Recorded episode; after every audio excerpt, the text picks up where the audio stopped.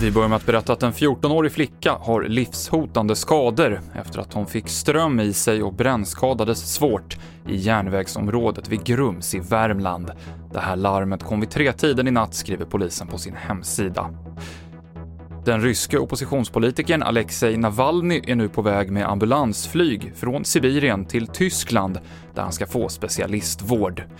Navalny befinner sig i koma och misstänks ha blivit förgiftad och insjuknade på ett flygplan tidigare i veckan, men det är fortfarande oklart vad som har hänt. Planet ska landa i Berlin nu tidigt på förmiddagen.